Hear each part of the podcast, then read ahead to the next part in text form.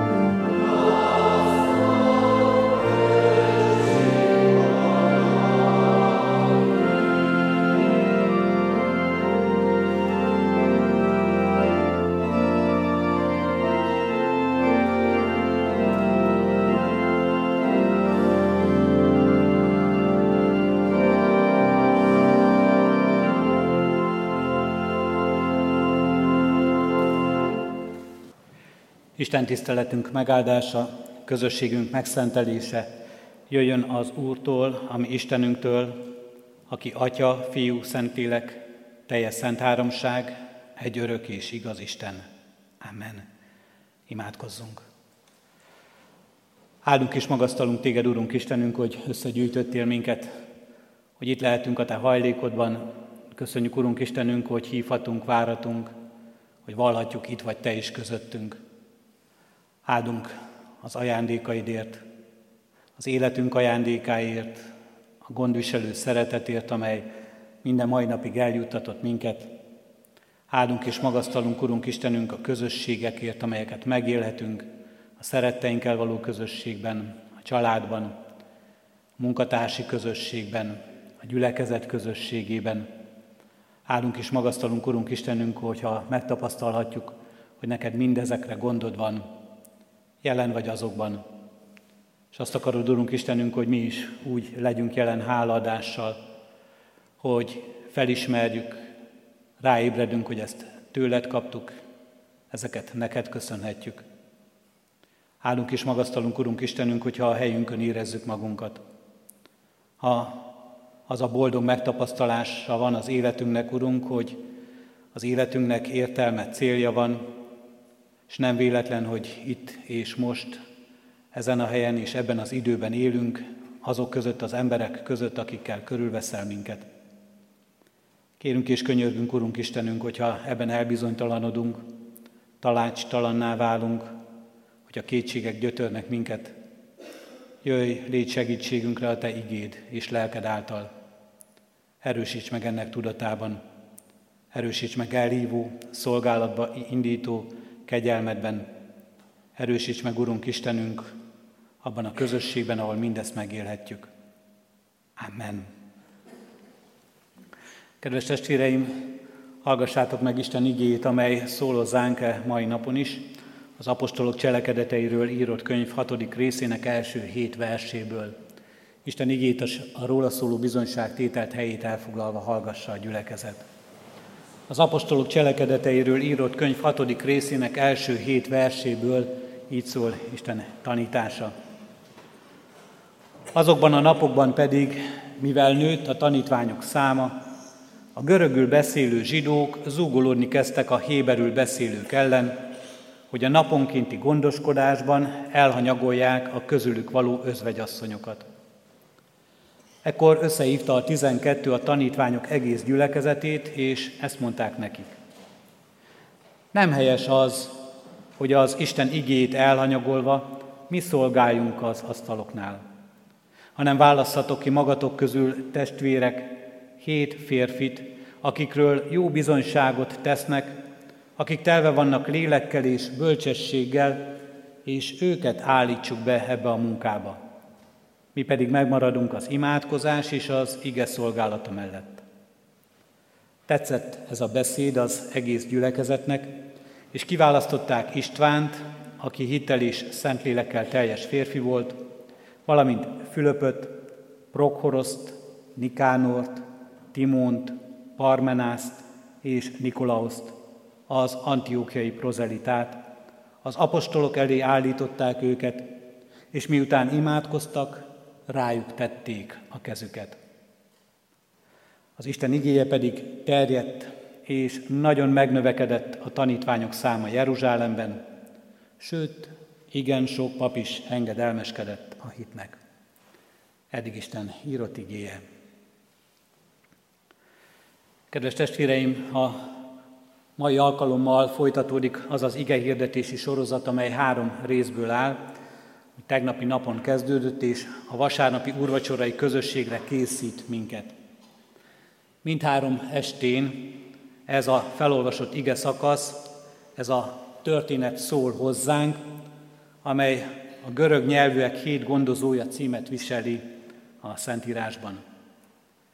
A tegnapi ige hirdetés címe a probléma volt. Ez volt a cím, hogy probléma. A probléma, amely ebben az ige szakaszban előnk van, előtt, elénk kerül, és annak oka alapvetően egy örömteli esemény, méghozzá a gyülekezet növekedése volt. Ennek következményeként viszont, hogy a jeruzsálemi gyülekezet napról napra gyarapodott, lélekszámban is, az emberek tömegei csatlakoztak ehhez a közösséghez, ennek következményeként viszont az addig szolgálatban állók ereje szétaprózódott, figyelmen megoszlott, az ige hirdetésére rendelt apostolok sem a rájuk bízott feladatokban fáradoztak, hanem sok mindent csináltak, sok mindent mást is.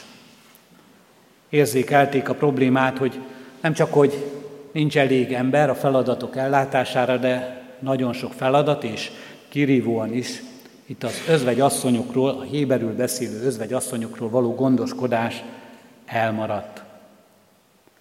A probléma tehát az volt, hogy nőtt a gyülekezet, ami egy örömteli esemény, de egyenes arányban nem növekedett vele a szolgálatot ellátóknak a száma és a feladatot vállalóknak a tömege. A mai igehirdetés címe megoldás. Ez a címünk megoldás. Hálás szerep, hálás téma, mert a problémát nem, de a megoldást annál jobban szeretjük. A megoldás ebben a történetben, amely előttünk van, ha nagyon egyszerűen, picit távolabb lét, lépve az egészen konkrét eseményektől nézzük, akkor először is azt mondhatjuk, hogy a megoldás ott van a közösségben. A megoldás ott van a gyülekezet közösségében. Nem kívülről érkezik majd, hanem ott van ebben a közösségben. Először azt szeretném kihangsúlyozni a megoldás kapcsán, hogy a megoldás maga a közösség. A közösség a megoldás. Mert ha csak egy ember csinált volna mindent, mondjuk ha csak Péter apostol prédikált volna, ha csak Péter apostol látogatta volna a gyülekezet tagjait, ha csak ő gondozta volna az elesetteket, szegényeket és az özvegyeket, akkor bizony a probléma megmarad. A megoldás a közösség maga. A közösségben a közös szolgálat. Most, ami nem azt jelenti, hogy mindenki ugyanazt csinálja, nem azt jelenti, hogy mindenki ugyanazt a feladatot végzi, hanem a közösség, amelyben egy sokszínű közösségre jellemző módon sokféle feladathoz, sokféle lehetőséggel rendelkező, sokféle tudással rendelkező, sokféle erőforrással rendelkező ember áll készen, akik ott vannak. Kedves testvéreim, most, amikor ezen a bűnbánati Isten tiszteleti sorozaton kivételesen, úgymond egy nagyobb számú közösség előtt hirdethetem Isten igéjét, amikor itt vagyunk a Kecskeméti Református Egyházközség munkatársi közösségében is, adjunk hálát azért, hogy együtt vagyunk. Adjunk hálát azért, hogy egy közösség vagyunk. Mert a megoldás egyik, egyik kulcsa a közösség. Ahogyan sokkal jobban boldogul a kettő, mint az egy. És ezt nem csak a házas párokra érthetjük, ezt az igét, hanem minden közösségre. És ahogyan ennek igazságát és bölcsességét nem csak a keresztjén, nem csak az Istenben hívő ember ismeri föl, hanem mindenki, aki megpróbálta már egyedül, és megpróbálta már valakivel, közösségben megoldani ugyanazt a problémát, rájön mennyivel nagyobb lehetőség, mennyivel több erő, mennyire könnyebb így hordozni, megoldani feladatokat, ellátni szolgálatot. Maga a közösség az egyik megoldás. Nem véletlen, hogy Isten mindig is közösségben gondolkozik, az emberre nézve is. Az embert már eleve közösségbe teremti. Nem jó az embernek egyedül lenni. Szerzek néki segítő társat, hozzáillőt.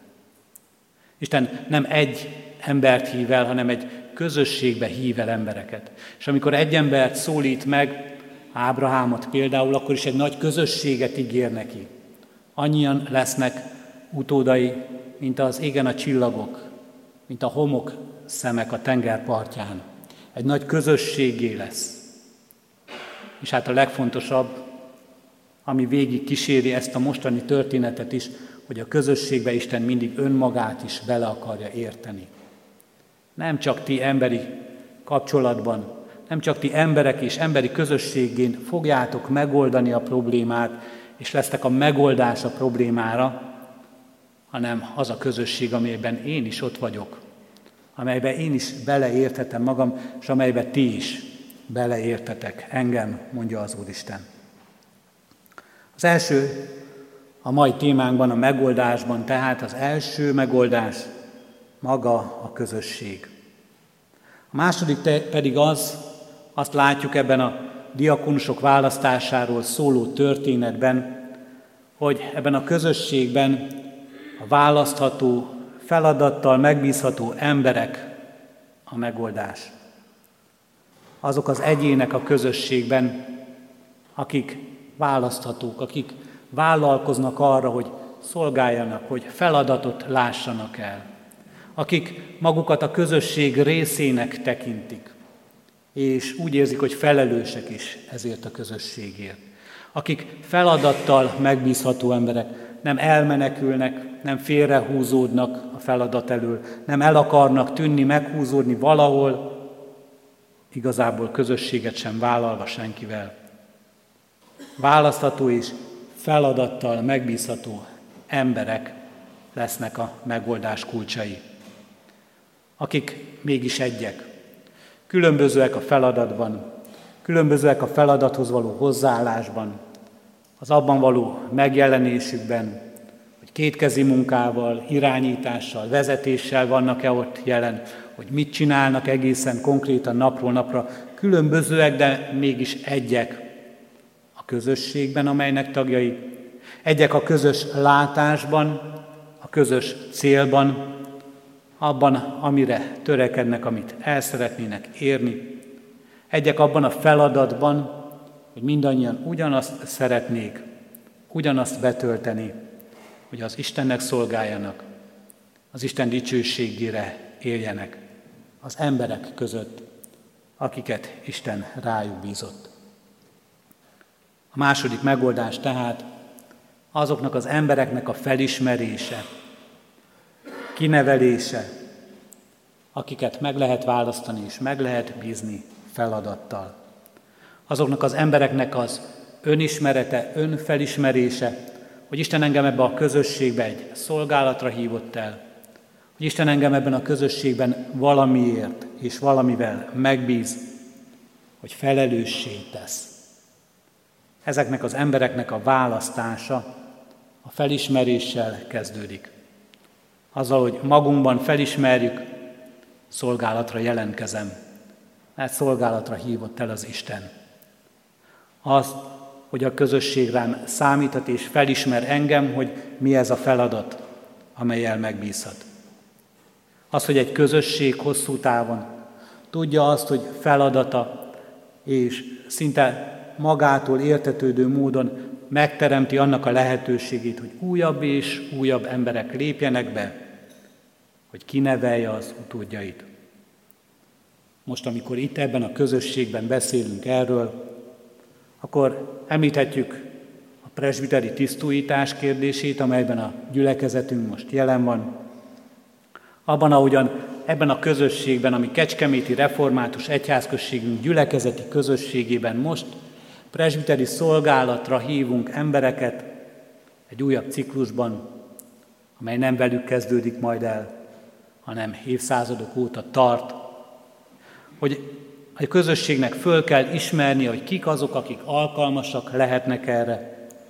Hogy mindenkinek magában, aki erre megszólítást és hívást érez, tudnia kell erre válaszolni, és ez a közösség így adja át nemzedékről nemzedékre egymásnak például ezt a szolgálatot.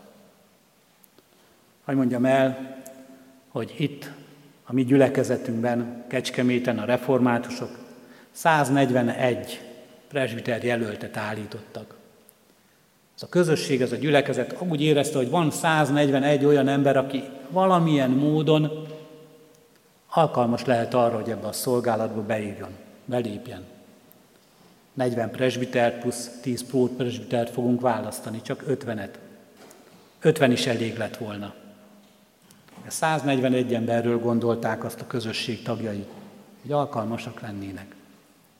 És most itt konkrétan is azt is hagyd mondjam, hogy az 51-ből, aki vállalta is ezt a tisztséget, aki ő maga is igent mondott arra, és azt mondta, hogy igen, az elkövetkezendő hat évben ezt én vállalom, ezt a szolgálatot. Az 51 ilyen jelölt közül 19 egyébként itt az egyházközségünk munkatársi közösségében szolgál. A gyülekezetnek hivatalosan is szolgálatra jelentkezett és szolgálatban álló munkatársa. Micsoda ereje van ennek a közösségnek. És itt, ha csak itt körbenézünk, akkor is látjuk, hogy micsoda sokszínű ez a közösség. Hányféle ember, hányféle háttérrel, hányféle indítatással jelentkezik arra a szolgálatra, hogy ezt a református közösséget, ennek a küldetését, az Isten ügyét, az Isten dicsőségét így vagy úgy szolgálni tudja. A harmadik megoldás pedig a közösségen magán és a választható feladattal megbízható embereken túl maga a választás, a felhatalmazás. Mert hogy nem elég csak felismerni önmagamban a feladatot. Nem elég csak felismerni a hiányt. Nem elég csak felismerni a magam alkalmasságát. Itt nagyon fontos, hogy egy akarattal, egy nagy közös igennel megválasztják és felhatalmazzák ezt a hét diakónust, hogy ők is szolgálatba álljanak, hogy megoszthassák a terhet másokkal. A közös döntés, amely majd most a presbiter választásnál november 12-én úgymond megadja a felhatalmazást azoknak, közös gyülekezeti döntés, hogy ebbe a szolgálatba belépjenek, a közös döntés, amelynek két fontos alappillérje van. Az egyik az a bizalom. Mert bizalmat szavazunk. Nem csak presbitereknek, de bizalmat szavaztak ott, akkor a diakónusoknak, az első gyülekezetekben. Bizalmat szavaznak a tanároknak, a munkatársaknak, bármilyen területen is szolgáljanak, itt ebben a közösségben. A bizalom, amely arról szól, hogy felhatalmazunk titeket, hogy csináljatok valamit, amire megbízunk, hogy végezzétek el a feladatot, amelyet kaptok. És felelősséget is terhelünk rátok. Mert bizonyára nem lesz könnyű az a feladat. Mert bizonyára abban is jönnek majd újabb és újabb problémák. És felelősség teszünk titeket ebben. De meg is bízunk bennetek. Megbízunk, hogy az odaszánásotok, a hűségetek, a kitartásotok, a szorgalmatok, az nem téveszti el a célt. Az mindig arról szól, hogy a közösséget, a közös célt, az Istent figyeljétek, rátekintsetek. Megbízunk bennetek, hogy ahogyan ti azt csináljátok, úgy jó lesz. És a jóban, abban nem a magatok javát keresitek, hanem ennek a közösségnek és az Isten által megmutatott jónak az útját és felelősségét hordozzátok. Azt mondtam, hogy a problémát nem, de a megoldást annál jobban szeretjük. De szeretjük-e azt hallani, hogy te vagy a megoldás? Szeretjük-e hallani azt, amikor van egy probléma, ha valaki azt mondja nekünk, hogy erre a problémára te leszel a megoldás. Erre a kérdésre te leszel a válasz. Talán ilyenkor egy kicsit összeszorul a szívünk, összeúrik a gyomrunk, hogy én. Akkor az azt jelenti, hogy majd nekem kell dolgozni, hogy nekem kell megoldani, hogy nekem kell feladatot, felelősséget vállalni. Igen, ezt jelenti. Mert ebben a történetben ezt látjuk, hogy kiválasztanak hét embert, akit a diakonisi szolgálattal megbíznak. A nevük is nagyon szépen ide le van írva mindannyiuknak, mert egészen személyesen azt mondja nekünk ez a történet, hogy erre a problémára személyesen te vagy a megoldás. És olvashatjuk a neveket. Erre a problémára te Fülöp, te István, és azt a hét nevet felolvashatjuk. Ki a megoldás? Szeretjük-e hallani? De hallanunk kell. Itt ebben a közösségünkben, a mi közösségünkben is azt kell mondani. Sok-sok feladat vár ránk.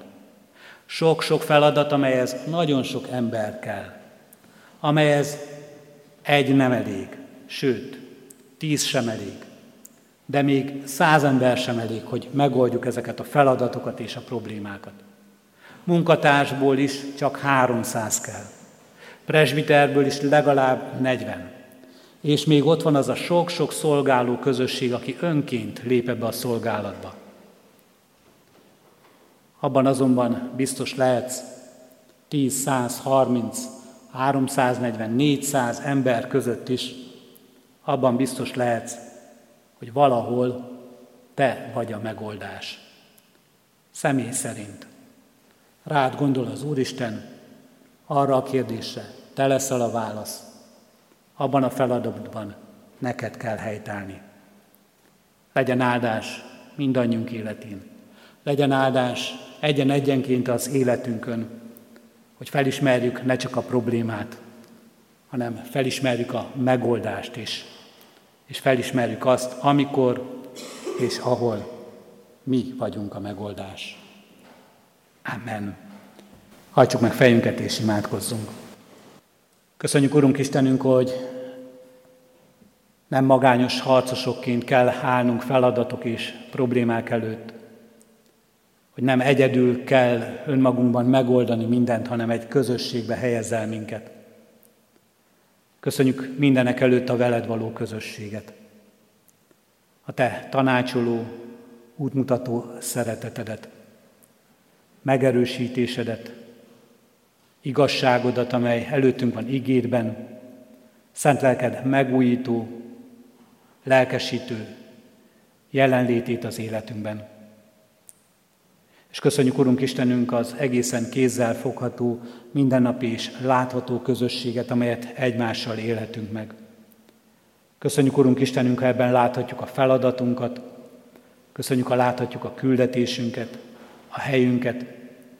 Köszönjük, Urunk Istenünk, ha azt láthatjuk, hogy jöhet bármilyen nehézség és probléma, abban számíthatunk egymásra, abban együtt állhatunk helyt. És köszönjük, Urunk Istenünk, hogy mi ezen túltekinthetünk, érezhetjük és láthatjuk, hogy ahol a mi emberi bölcsességünk, ami emberi erőnk nem csak egyedül, de közösen is kevés, ott is számíthatunk te rád, segítségül hívhatunk téged. Így kérünk és könyörgünk, Urunk Istenünk, ami gyülekezetünkért, munkatársi közösségünkért. Adorunk, hogy minden békétlenség, minden viszály kerüljön el minket. Adorunk, hogy kerüljön el minket minden olyan probléma, amelyet magunknak okozunk, amelyel mi keserítjük meg magunk és egymás életét amelyben csupán önmagunkra tekintünk, és saját érdekeinket és saját céljainkat nézzük. És elhagyjuk a közösséget, vagy nem törődünk vele. És kérünk és könyörgünk, Urunk Istenünk, ments meg minket attól, amikor nem találjuk a helyünket, amikor elbizonytalanodunk, amikor fölöslegesnek érezzük magunkat, amikor azt érezzük, Urunk Istenünk, hogy teljesen egyedül vagyunk és elmagányosodunk. Adorunk, hogy felnyíljon a szemünk a mellettünk állókra, velünk szolgálókra, hogy tudjunk értük hálát adni, és tudjunk nekik is köszönetet mondani. Krisztusért kérünk, Urunk Istenünk, így építs minket. Itt ezen a helyen, ad mi egyházközségünkben, Így építs minket, Urunk Istenünk, gyülekezetben, az egész egyházadban. De ezért kiáltunk, Urunk Istenünk, a földön lakó minden embernek.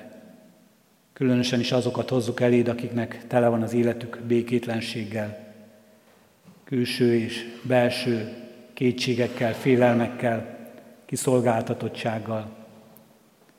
Addulunk, amikor látjuk, amikor szembesülünk ezekkel a megoldhatatlannak tűnő, számunkra befogadhatatlan problémákkal, krízisekkel, háborúval, nyomorúsággal, üldöztetéssel.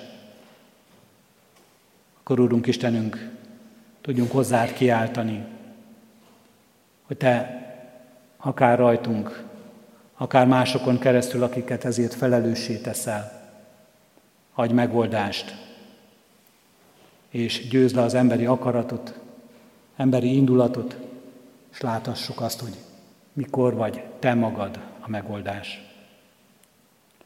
Kérünk és könyörgünk, hallgass meg minket Krisztusért. Amen. Jézustól tanult imádságunkat együtt fennállva mondjuk el. Mi atyánk, aki a mennyekben vagy, szenteltessék meg a te neved. Jöjjön el a te országod, legyen meg a te akaratod, amint a mennyben, úgy a földön is. Mindennapi kenyerünket add meg nékünk ma, és bocsásd meg védkeinket, miképpen mi is megbocsátunk az ellenünk védkezőknek.